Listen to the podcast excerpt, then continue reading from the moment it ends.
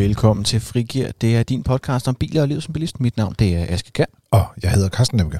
Og i dag der skal vi vende lidt forskelligt, lidt ligesom vi gjorde øh, i slutningen af sidste uge. Øh, mm. Men den her gang der er det bare små ting, der har rørt sig i bilens verden. For vi har nogle flere. Vi kunne ikke rigtig bestemme os for, hvad vi vil snakke om, så vi snakker bare om det hele i stedet for. Så man kan sige, nu hedder det noget med bilistens verden og bilens verden. Ja. Og i dag er det bilens verden. Ja, bilens verden.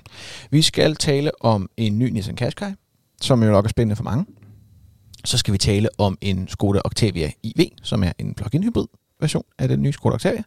Og så skal vi endelig tale om en udmelding, der er kommet fra indtil flere bilfabrikanter, senest Volvo, øh, omkring fremtiden for den fossildrevne bil, øh, lidt længere ude i horisonten. Det er noget af en teaser, du lægger op til der. Ja, men jeg er en suspensensmester. De kalder mig Hitchcock. Nå, øh, vi skal tale om Qashqai til at starte med. Øh, og det er den tredje generation af Nissan Qashqai, der er blevet vist frem. Den kommer til sommer, øh, og vi har lige fået taget et første kig på den. Og øh, Carsten, hvad er, det, hvad er det for en bil, Qashqai? Jamen, Qashqai var jo ligesom først med de her crossover, øh, eller man sige, de lidt mere sådan hverdagsagtige SUV-modeller i virkeligheden. Mm. Og øh, de startede hele segmentet op, med, da det kom frem. Så af en eller anden årsag valgte de verdens mest besværlige navn at stave til, men øh, derudover selve produktet var bare lige øjet. Altså, det har bare været fra dag et øh, en rigtig god bil, øh, med nogle små svagheder histopist, sådan er det jo altid, men generelt set en rigtig stærk, rigtig stærk pakke. Ja, og, øh, og det er som sagt, den er kommet i en ny, helt ny generation, øh, den tredje af sin slags. Mm-hmm. Og øh, hvad er det, der har ændret sig sådan i de grove træk? Der er selvfølgelig sket en hel masse små justeringer, sådan noget med vinklen på bagageklappen og gøjl og løjer. Men sådan, hvad er de brede linjer? Jamen, de har, de har opgraderet den ret meget, især i, i kabinen, hvor der er kommet undskyld, et, øh, sådan et fuldt digitalt og justerbart instrumenthus, øh, og så er der også kommet øh, som sige, øh, et rigtigt head-up display. Før i tiden havde de sådan, noget plastik noget, man kunne få. Øh, og, øh, og så har de fået nogle andre ting, som er sådan noget med gearvælgerne. Jeg ved ikke, om dem taler vi en gang imellem om, det her med, mm. at, at selve den der gearstang, så at sige, enten så kører den ligesom ind i en, jeg ved ikke, om man skal kalde det, kalder det en gate på engelsk, hvad, hvad skal man kalde det? Sådan en, en, en rille en rille. Så, ja. så, så synes jeg hak for parkering, hak for reverse, hak for neutral, hak for øh, drive. Men her, der, der er det sådan mere elektronisk styret, og det vil sige, mm. hvis du bare slukker bilen, så går den automatisk i P. Det er sådan nogle ting, der bare er super fede. Der er ikke noget mere irriterende end at slukke motoren, og så gå ud af bilen, og så finde ud af, at bilen står i drive, og så skal man sætte den i parkering bagefter. Og så kan man nogle gange trykke to gange på start- og stopknappen for at få lov til at gå ud af bilen og låse dørene. Så øh, ja, det er sådan nogle ting, der er fede. Det er sådan, og det betyder også typisk, at du får sådan lidt mere petit gearvælger, eller sådan en, en der er lidt mere øh, designet rundt om funktion, end nødvendigvis der skal være en pind, du kan hive i, for at flytte noget rent mekanisk. Men der er også et andet sted, de har opgraderet den lidt, øh, og, og det er sådan måske lidt mindre på det sådan tekniske, øh, skal man sige, eller i hvert fald mindre på det digitale. Det er, at øh, på bagsædet er der blevet mere benplads. Ja. Og lige præcis det har faktisk været en, øh, en, en af bilens svagheder. Den har været utrolig stor at se på, men faktisk har der ikke været rigtig meget plads på, på bagsædet. Og det der er altså blevet noget bedre nu. Øh, og så kan bagdørene også åbne op til næsten 90 grader. Det har været typisk faktisk Honda, der har været gode til sådan nogle ting med mm. at åbne døre vidt op. Det giver en, øh, eller kan i hvert fald give en bedre adgang. Det er jo ikke altid, man kan åbne døren fuldt ud på en parkeringsplads. Øh, og så, øh, så er der kommet friskluftdyser til bagsædet øh, på alle modeller, og det er sådan nogle ting, som øh, børn øh, eller bagsædepassagerer i det hele taget er super glade for, fordi det giver bedre luft og mindre køresyge. Ja, og det er rart. Så har de også lavet noget med, med gearne. Det er sådan, nu er vi så over i noget af det rigtig tekniske, men øh, automatgearet har skiftet i den. Øh, førhen der var det en såkaldt dobbeltkobling gearkasse, mm. øh, som er sådan en, øh, en, en automatgearkasse, hvor du, du har to koblinger, og så skifter den imellem dem robotmæssigt. Og over til det, vi kalder CVT, eller vi kalder det, det hedder CVT. Øh, nogen kalder det milliongear, øh, som er sådan en, et, et, i virkeligheden et stort gear, der sådan kan skifte i størrelsen traktformet til en hjul. Øhm, det har været, jeg glæder mig til at se, hvordan det bliver at køre med. Der findes gode og dårlige CVT-gear. Øh, vi er gået fra, havde du hørt den her podcast for et år siden, så tror jeg måske bare, vi havde sagt, der fandtes dårlige CVT-gear langt hen ad vejen, men de er ja. blevet meget bedre. Øhm, der findes enkelte, som fungerer ok, øh, og herunder blandet, så har vi set det på Dacia Sandero, og sjovt nok Dacia, mm. sammen med Renault, sammen med Nissan. Så det er nok lidt der, den ligger, at ja. det kommer til at være noget i det samme gearkassefamilie. Men jeg vil også sige, øh, det øh, gearkasse, den gearkasse, de havde før, var faktisk virkelig dårlig. Den Nå. havde et eller andet med, at hver gang du skulle, når du skulle starte med at accelerere, så hoppede bilen ligesom frem. Den havde været utrolig svært ved at styre sig selv øh, med tilkobling. Øh, og det galt både, det var en gearkasse, der også lå i for eksempel Mercedes, mm. hos Renault og hos Nissan. Og øh, jeg synes, det irriterer mig hver gang, jeg har kørt med det. Så jeg, jeg er rigtig glad for, at de øh, skifter teknologi, og glæder mig meget til det, men, men der er jo endnu en mærkelig teknisk ting, som de gør. Asger, du kan måske lige løfte lidt det elektriske slør for det. Ja. Fordi den kommer jo faktisk ikke som elbil, den her bil. Nej, det men, gør den ikke. Men Der, på en eller anden måde, så bliver den alligevel lidt. ja, der kommer, der kommer en elektrisk crossover fra Nissan. Ja, det, det, det er sådan en, den hedder Aria, og det er den her øh, crossover også, men den er nok lidt større end Qashqai'en, hvis jeg husker rigtigt. Ja. Lidt større end Qashqai, lidt mindre end X-Trail. Men der kommer en hybridversion af den nye Qashqai. Den kommer ikke i første omgang sammen med de andre, der kommer her til sommer, men den kommer lidt senere, som hedder e-Power. Og det er sådan en... Øh, den minder lidt om det, som Honda eksperimenterede med i deres CHR-hybrid. Og det er sådan en, hvor at, øh, der, den trækker faktisk kun... Øh, Hondaen trækker sig på begge dele en gang imellem, men primært på elmotoren. Den her, den trækker kun på elmotoren, der sidder. Øh, jeg tror faktisk også, den kommer i både tohjulstræk og firehjulstræk, ligesom de andre. Ja, Gør. den, hedder Honda CRV. CRV, undskyld. C- øh, CHR, det er en uh, Toyota. Ja, det er en Toyota. Ja, men der er også mange, at det, det var begge to japanske biler. Ja, og de hedder det er begge to begge- noget med C. Og de var begge to i det her crossover-segment også. Så det, jeg vil sige, hvis man er i tvivl om det med bilnavn i øjeblikket, så bliver det kun endnu mere vanvittigt fremad, fordi der kommer flere og flere bilmærker, og der kommer flere og flere bilmodeller. Så altså, at holde styr på det hele, det synes jeg er nærmest, øh, ja. Jamen, det er jo næsten som om, jeg sidder og laver det 37 timer om ugen. Nå, Ja. men... Øh, det, så det er faktisk, der sidder en benzinmotor i, men det eneste, den benzinmotor gør, det er, at den lader et batteri op, Yes. som så driver nogle elmotorer. Så den kører kun via en elmotor. Ja. Det er spøjst, ikke? Og hvilket vil sige, det kommer til at betyde to ting, kan jeg afsløre allerede med det samme. Det kommer til at betyde, at den kommer til at føle som at køre en elbil hele tiden. Øh, I forhold til igangsætning og i forhold til acceleration og alle de her ting. Og så den anden ting, det er, at det kommer til med al sandsynlighed at have en lidt spøjs følelse, rent lydmæssigt, for du kommer til at have en motor i nogle omdrejninger, som ikke passer med, hvor hurtigt du kører, og det kommer til at være en smule forvirrende. Præcis. Fordi den vil gøre alt, hvad den kan for at få den optimale forbrænding i virkeligheden. Ja, og det præcis. kan være et bestemt omdrejningstal. Så det kommer til at være spøjst, men vi glæder os til at se, hvordan den bliver at køre. Ja, lige præcis. For det bliver lidt spændende også at se, hvordan det går lidt op og ned i omdrejning, eller hvordan den rent faktisk kommer til at te sig, når den kommer ud på landevejene. Ja. Ved I, hvad den koster, Carsten? Nej, det gør vi ikke endnu, men det kommer. Og øh, de regner lidt med, at priserne de bliver højere. Øh, det er sådan lidt det, de teaser for. På den anden side, hvad er det, Nissan er utrolig gode til med Qashqai?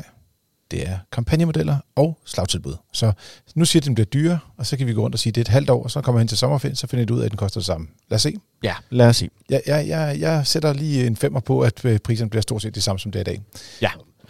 Der ligger et link nede på beskrivelsen til en artikel om den her nye Qashqai, som vi har været ude at se, og den kan du læse, hvis du er interesseret i nogle af de mere tekniske detaljer om bagklap og dørvinkler og så videre. Den anden ting, vi skal tale om, det er Skoda Octavia V, Ja. øh, som vi har testet. Og hvad er det for en bil, Carsten? Jamen, Skoda Octavia, det er faktisk en stationcar-udgave, vi har haft til test, øh, og IV, det er deres øh, plug-in hybrid øh, linje, hvor Mm. det er, at du har øh, et batteri, og, som kan lades op, og så kan du køre lidt på strøm. Øh, og det øh, fungerer lidt, nu har vi prøvet en del biler, fordi Folkevogn-koncernen, så at sige, de har både en Audi, og de har jo den her Skoda, så er der en Folkevogn, og så er der en Seat, og der er også en Cupra. Og vi har haft dem her i løbet af efteråret og hen over vinteren, og vi har lavet forbrugsmålinger på dem alle sammen, så at sige. Vi har kørt dem tør, altså Mm. lavet batteriet, batteriet helt op, og så har vi kørt dem tør. Og det ligger mellem sådan 40-50 km på en opladning. Mm. Afhængig af, hvad temperaturen er udenfor. Og så lidt afhængig af også, hvad for en model det er. Øh, der, der er lidt forskel på dem, hvor mange hestekræfter de har. De kan enten have 204 heste, som den her testbil har, eller 245 heste, hvis det er deres lidt mere kraftige versioner. Øh, og bare lige at tage nogle hurtige ting om den. Øh, den vi har testet, for at være helt præcis, det er den, der hedder 1,4 TSI plug-in hybrid kombi. Yes. Den er normeret til 90 km per liter. Ja. Og det er en af de her mærkelige PHEV-tal, og det kan vi måske også lige vinde, fordi øh, når, vi, når vi laver de her målinger, så har vi, øh, så har vi kørt de der lige omkring øh, 40-50 km på strøm, Mm-hmm. og så har vi kørt lidt længere, og efter 53 km kørsel, så opnår man det der 90,9 km per liter, kom vi så til. Ja, hvis man gerne vil det. Ja, hvis du kører den øh, uden at have ladt batteriet op, vi har prøvet at køre den med tom batteri også, så får du cirka 15 km per liter. Ja, og det ligger i de her øh, biler, afhængig af det igen lidt af temperaturen, og det ligger mellem øh, 15 og 17.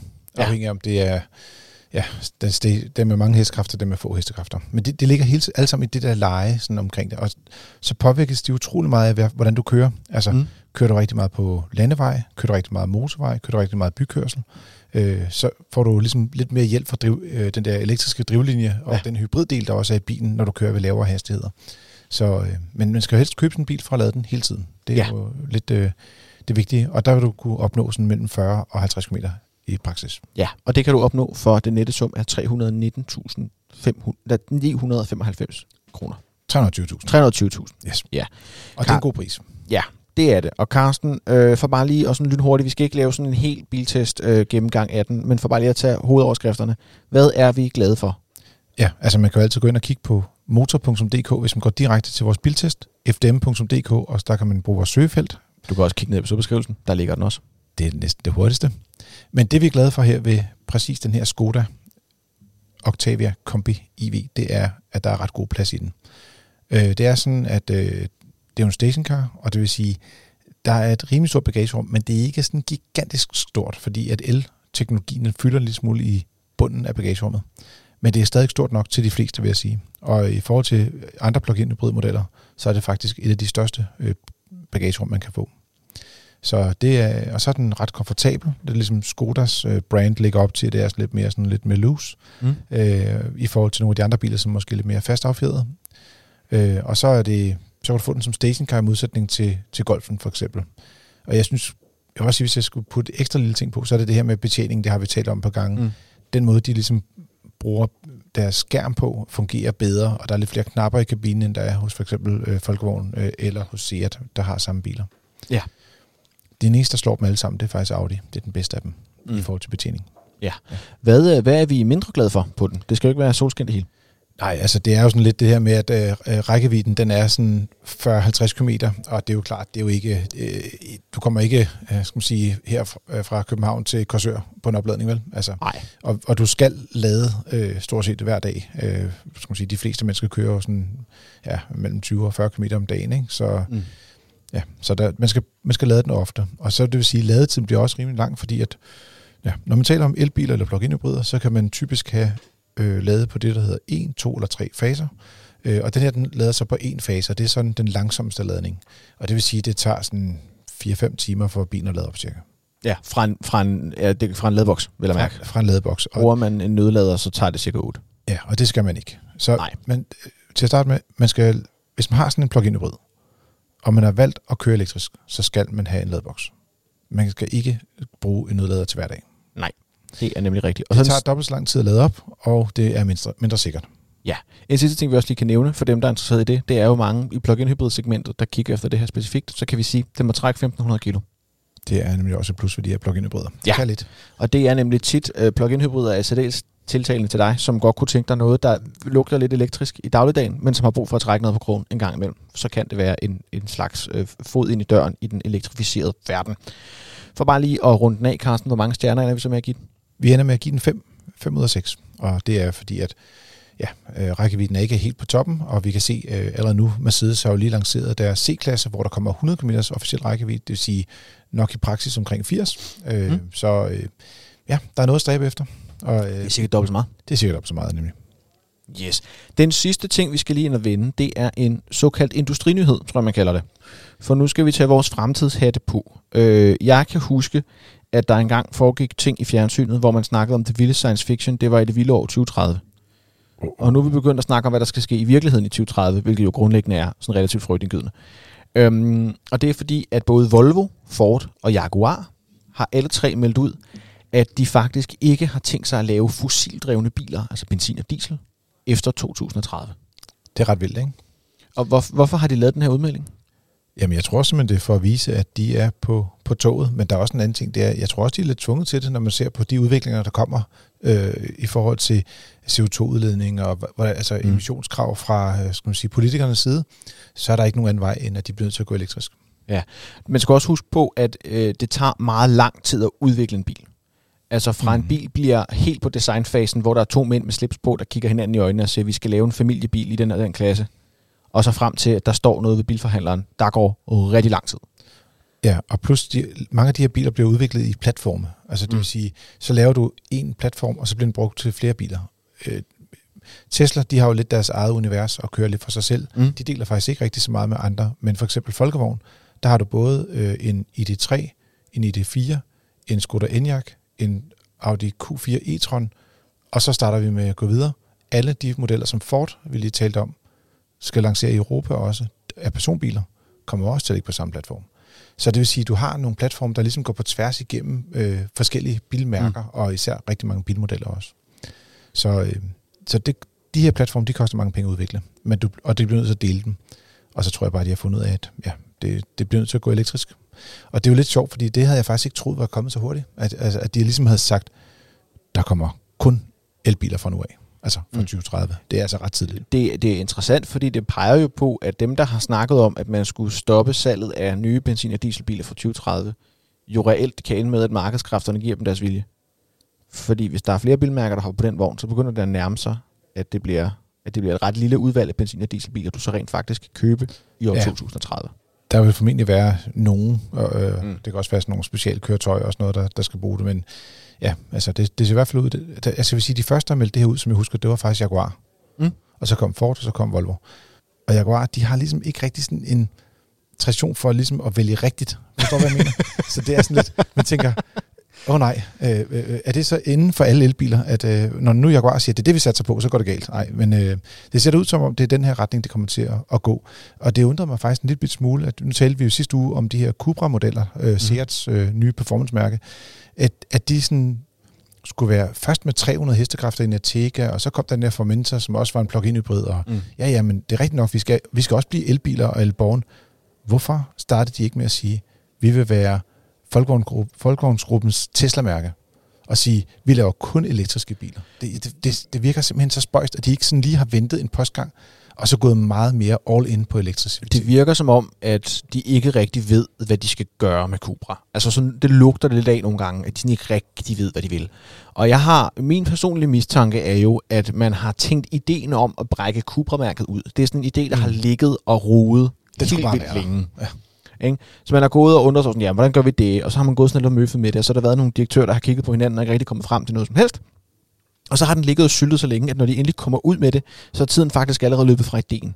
Ja. Og så det og, første, og dengang, man... der skulle det være en performancebil. Ja. Alt med 300 hestekræfter, det var Cupra. For det var det, de var før jo. Ja, der skulle være sådan en smadret Artegaen. Ligesom Præcis. den første Cupra-bil, wow. vi så. Yes. Wow, ren buller, ren brød. Så begynder vi lidt at møve med noget plug-in hybrid, fordi der er også noget med nogle CO2-kvoter og, og med formatoren og sådan noget. Og nu er vi ude i den her elborn, som er en ren elbil. Jeg tror simpelthen bare ikke, at de har kunne blive enige med sig selv. Jeg tror først, de er ved at finde ud af, hvad de vil med Cupra. Og deres nyeste idé, det er, at det skal være et elbilsmærke. Og om det bliver ved med at være det, det, det må guderne vide. Men, men det underlige er så, hvis du skal ud og kommunikere rent, og hvis du skal ud og få en Tesla-position, hvis du ude at virkelig at, at lave et mærke, mærke, som skiller sig ud i markedet, mm. så gælder det om ikke at have for mange ting. Altså, du bliver nødt til at have en ren linje et eller andet sted. Og her der er det bare en mudderlinje. I øjeblikket der har vi den her Cupra uh, Leon, sjovt nok, stationcar mm. med 245 hestekræfter. Fint nok bil og sådan noget, men find den er, ingen kender Cupra. Og, og det er sådan lidt enten det ene eller lidt det andet. Den er ikke rigtig hurtig, men den er heller ikke rigtig en elbil. Altså, ja. Så det er nok det, de er i dag. Men de skulle måske bare også hoppe med på den her vogn og sagt, vi laver ikke benzinbiler efter 2030. Så ja. det er nok det næste mærke, der kommer. Det kan sagtens, sagtens være. Øh, det bliver spændende. Altså, de fly, altså VAG til sammen flytter jo også afsindelig mange biler om året. Så hvordan deres standpunkt de. bliver med, hvornår de melder ud, her stopper vi med at lave benzinbiler. Det bliver rigtig interessant. Ja, og du kan også sige sådan nogle som, altså nu er Ford jo rimelig store, men, men du kan også sige Toyota for eksempel, der jo også mm. har rigtig mange markeder rundt omkring i verden, hvor de også handler mange biler. Øh, det, bliver, det bliver interessant, ikke? hvor de også sælger i Kina og Afrika mm. og andre steder. Ikke? Så yes. Jo. Jamen du har lyttet til Frikær, det er dit frikvarter med biler og livet som bilist. Husk at give os øh, en masse stjerner, det elsker vi. Det kan, vi, det kan vi faktisk grundlæggende godt lide. Hvis der er noget, du er i tvivl om, eller noget, du gerne vil spørge om, eller noget, du gerne vil sige, eller et eller andet, der ligger i krydsfeltet mellem de tre yderpunkter, jamen så kan du altid sende en mail til podcast Ellers så vil jeg bare sige tak for denne gang. Vi høres ved. Og god tur derude.